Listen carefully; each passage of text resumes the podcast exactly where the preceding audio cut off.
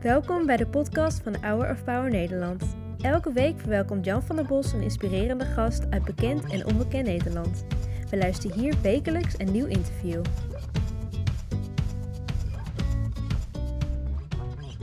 Ik ben zo gezegend in de slechtste dag van mijn leven en op de beste dag van mijn leven, want ik ben een kind van God. En daar ga ik over praten met Hans Jutstra, want Hans, door jouw dochter, Meerte, heb je een hele zoektocht gemaakt in je geloof. Maar laten we beginnen bij jouw dochter. Je hebt drie kinderen. Meerte is jouw kind waar je de grootste zorg aan hebt. Wat is in haar leven gebeurd? Uh, toen ze 14 was, is ze misbruikt door een jongen van dorp. Uh, waar wij als ouders eigenlijk veel te laat achterkwamen. Wat je ook leest is dat uh, kinderen natuurlijk moeilijk over dit soort dingen uh, praten. Ze bevriezen daarin. Uh, vervolgens kwam er opname na opname en werd de situatie eigenlijk steeds schrijnender. er volgden zelfmoordpogingen, weglopen, te veel medicijnen nemen. Uiteindelijk, dan sla ik wel een stuk over, was er een opname waar ook een een oudere man werkte, die ging uh, richting zijn pensioen. Die had het ook met ons te doen en die gaf ook aan van joh, met de mag wel bij ons zijn en uh, we hebben paden en dat doet daar goed. Die merkte ook de druk bij ons thuis. En ook daar ging het mis. Uh, die man die kroop bij haar in bed. Heel onderzoek naar geweest. Um, uiteindelijk hebben wij gezegd, die zaak laten we rusten, omdat het misbruik gewoon heel moeilijk is, is aan te tonen. Ik, ik, ik, sta versteld. Want als het mijn dochter zou overkomen, ik zou niet weten, ik zou niet voor mezelf instaan. Bij mezelf ben ik wel eens te raar gaan, ook met mijn vrouw over gehad. Je, je vecht eigenlijk tegen uh, het, het, welzijn van je, van je dochter, hè, van je gezin. Ja. Uh, je voert een strijd tegen de eeuwig lange wachttijden uh, in, in de zorg. En vervolgens voer je een strijd met jezelf. Ja. Want als vader wil je je kind beschermen, wil je gezin beschermen. Ja. En dat is, dat is heel lastig. En dan kom je eigenlijk in zo'n uh, val terecht dat je, ja, neerwaartse spiraal, dat je, dat je gewoon geen uitweg ziet. Ja. En je blijft vechten, je blijft overleven. Ja. In het begin vertelde je het al, als je naar je dochter de slaapkamer ging, dan om zeven uur s morgens, dan voelde je aan haar nek of ze nog leefde. En je zegt eigenlijk, nog steeds elke minuut, elk uur, elke seconde, denk ik, is ze er nog. Mete heeft 24 uur zorg, maar je bent er ook 24 uur uh, ja. ben je daarmee bezig. Ja. Dat je, uh, je kan gewoon elk moment een belletje krijgen van... Uh, ja. Hoe is dat als je dochter je komt vertellen... papa, mama, ik wil niet meer leven, ik wil euthanasie laten toepassen op hun leven? Nou, het zal voor heel veel mensen heel raar overkomen... Ja. dat je uiteindelijk hebben wij die keuze samen wat gemaakt.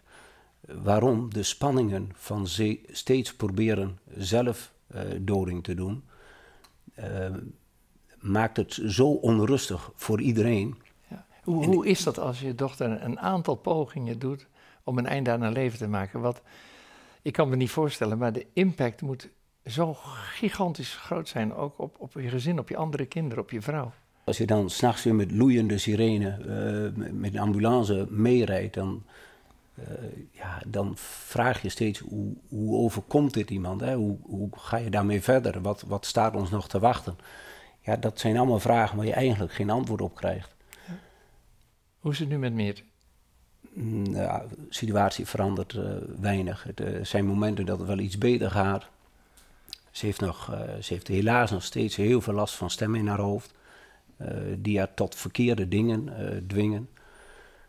Ja, en dat maakt het, dat, dat is wel ondraaglijk. Ja, je komt uit een christelijk nest, uh, je bent met het geloof opgevoed, maar op een gegeven moment was je zo boos, woedend op God, dat je zei, nu even niet. Uh, het ging gelukkig niet zo ver dat ik uh, zei van ik wil niks meer met, uh, met God te maken hebben, maar ik was wel, wel heel kwaad. Ik was kwaad over heel veel dingen en zaken die er gebeuren. Het onrecht wat je is aangedaan, daarnaast zie je ook de zorg van andere kinderen. Dan komt er een moment dat meer te zeggen, papa, als ik er niet meer ben, dan ik heb de liederen voor mijn begrafenis die stuur ik aan jou toe. Dan wordt je ziel wordt, uh, uitgewrongen op dat moment. Als vader wil je dan niet gaan huilen, want dan, dan denk je van, uh, je probeert er op dat moment ook te zijn voor, voor je dochter. Ze vertelt gewoon in detail hoe ze het graag ja. uh, georganiseerd wil hebben. Dat ze een gesprek gehad heeft met, met de dominee. Aan de ene kant is, is het, uh, ondanks al het verdriet en de zorgen en pijn die we daarvan hebben, wel heel fijn dat we daar zo over kunnen. Uh, ja, want meer te gelooft. Ondanks de vreselijke omstandigheden bleef ze geloven in God. Welk lied sprak jou aan? Er is een toekomst vol van hoop. En, en uh, dat ik toen op een moment kreeg van, ik leef in zo'n woede boosheid naar God, naar de, naar de onmacht, het onrecht. Dat ik, uh, dat ik dacht, mijn dochter zit mij eigenlijk iets voor te houden waar die boosheid misschien mee weggaat. Er is een toekomst vol van hoop, hoeveel verdriet je daar ook van zou hebben. Hè? Want natuurlijk willen we nooit, dat, we willen haar nooit verliezen. Zullen andere ouders ook hebben. Maar als je die teksten hoort, dan word je er bijna blij van. Dan denk je van, het is een toekomst vol van hoop. Dat hebt u ons beloofd. Dat is waar Mitten naar verlangt. Ja. Dus wij strijden voor, een, voor genezing, ja. voor de beste hulp. En zij zegt eigenlijk tegen ons, waarom ben je aan het strijden? Want dat is waar ik naartoe wil. Ja. ja. Tegelijkertijd, toen jij van haar doorkreeg dat deze liederen dat ze die op haar begrafenis gezongen wil hebben, was dat ook weer een kantelpunt van jou om je woede naar God om te zetten, je verdriet in vreugde te veranderen. Klopt. Um, kijk, de periode van het ziek zijn van Mitten, dat loopt inmiddels uh, bijna vijf jaar. Uh, dan vraag je ook af dat mensen zeggen, hoe kom je hier doorheen? Ik voel gewoon dat, uh, en mijn vrouw ook, dat je daar wel in gesteund wordt. Hè? Want wij vroegen ons ook wel af van, God, als je er nou bent, waar ben je dan nu? Om dit zo lang vol te houden en toch ook mensen om je heen te krijgen die voor ons meevechten voor het beste voor midden, het, het vechten voor ons, dat wordt aangestuurd. Dat, ja. Anders is dat, is dat gewoon niet vol te houden. Ja. Wie is God voor je? Dat is wel iemand waar ik altijd terecht kan. Uh, waar ik wel kan vragen uh, hoe ik verder moet. En niet de vragen stellen van waarom overkomt ons dit? Want wij zijn helaas niet de enige. De tijd dat John van de Heuvel ons ging helpen met dit, waar ik al jaren contact mee had, dan zie je ook iedereen in beweging komen. Ja. Heel opmerkelijk, want je, daar ligt het boek wat John van de Heuvel heeft geschreven. En daarin, dat is heel opvallend, benoemt hij ook de hele situatie van Meerte. Waarom deed hij dat? John, de bekende misdaadjournalist. Klopt. Uh, ik was natuurlijk ontzettend dankbaar als vader uh, dat hij uh, mij wou helpen. Want je merkt dat dat ook een vader is. Een vader met ook een hart voor zijn eigen kinderen, voor zijn eigen gezin. Maar ook voor, voor ons. En het, waar ik bij John weer, dat was het eerste gesprek wat ik met hem had. Dat hij tegen mij zei, van je hoeft mij niks uit te leggen wat onrecht is. En toen dacht ik, wie kan mij beter begrijpen dan, dan zo'n vader? Ja. Die ook zijn werk heeft, maar ook zijn gezin, ja. zijn vrouw, zijn kinderen. Ja. Je bent ondernemer, je hebt uh, een paar grote bedrijven in Drenthe. Uh, en je hebt ook het verlangen uh, als ondernemer om iets te doen voor al die kinderen die beschadigd zijn door misbruik, die van instelling naar instelling gaan en dan toch niet krijgen wat ze eigenlijk nodig hebben. Want dat is jouw droom droom waar je nu mee bezig bent. Kun je die, droom aan ons vertellen? Wij zijn er al, al langer mee bezig. Uh, dat ik natuurlijk dingen waar ik tegenaan liep, die ik in die jaren John heb verteld, maar ook hulpverleners heb verteld. En er, de mensen op de werkvloer, perfect. Die, helpen je over, die willen je overal bij helpen. Maar het, het systeem, waar we ook steeds over lezen, uh, dat is, dat is best wel een probleem. En ik, ik denk echt niet van, dat, dat verander ik maar zo even. Ja. Maar ik heb wel gemerkt wat, het, uh, wat voor schokbeweging er kwam toen John de interviews deed. We zouden heel fijn vinden dat andere ouders die niet zomaar in contact komen met John van de Heuvel of met Stichting Hullebond, dat voor die eh, de weg wat makkelijker wordt. Want het is een strijd die je gewoon, het is een strijd die je gewoon alleen niet, niet aan kan. Je droom is, daar hadden we het over, een zorgboerderij. Of iets waar kinderen die dit overkomt, zoals jouw dochter Meerte, kunnen worden opgevangen. Mhm. Gaat het lukken? Dat gaat lukken. Ja, ik, eh, ik eh, durf wel te zeggen dat ik zo heel eigenwijs ben. Ja, daar ben ik misschien ook ondernemer voor. Als ik iets in mijn hoofd heb, dan wil ik dat doel ook bereiken. Die boerderij is gekocht, daar wonen wij zelf. In het achterhuis eh, is er plek gemaakt waar Mit eh, zorg kan krijgen. Helaas is dat nu ook weer anders gelopen, want ze heeft 24 uur zorg op een andere Ja. plek. Maar goed, Mitte kan daar altijd terug naartoe. En ook Eh, anderen.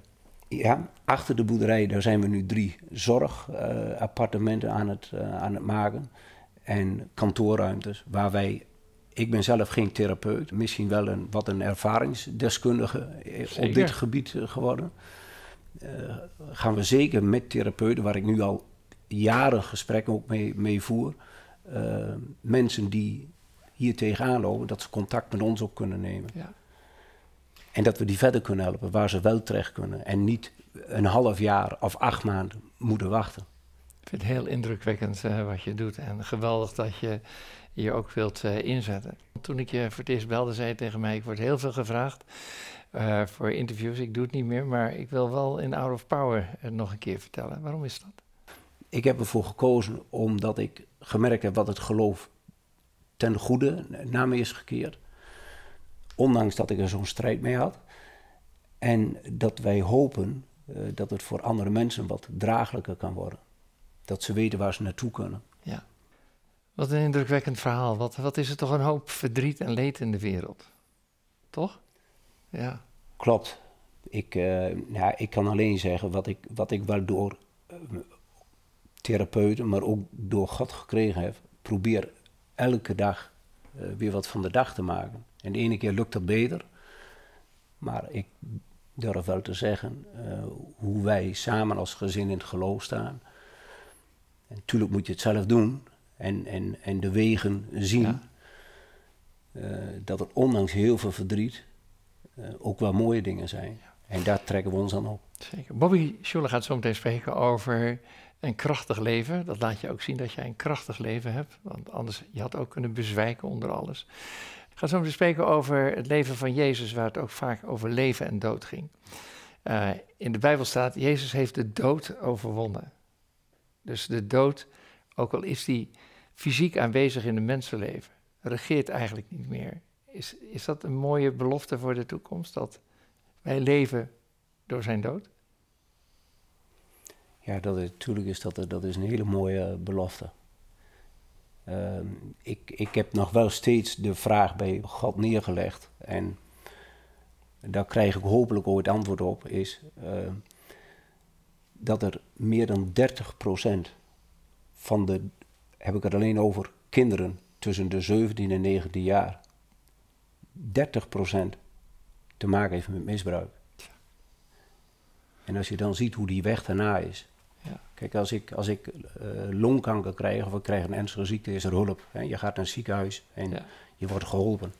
Het is niet dat deze kinderen niet geholpen worden, alleen de weg en al de stagnaties erin, dat bevordert niet eh, de genezing. Nee.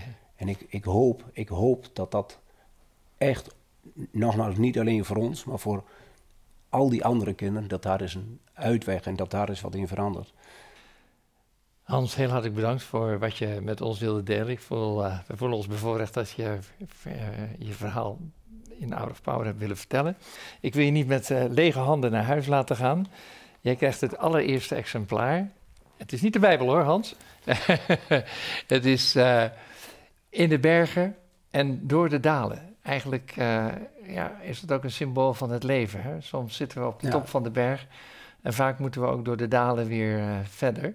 Eh, het is een notitieboek, dus eh, het is eigenlijk zoals het eerste Bijbelvers begint. In het begin was er niets en toen schiep God. Dus ik eh, hoop dat je in dit boekje ook heel veel dingen kunt schrijven die jou bezighouden. Ja.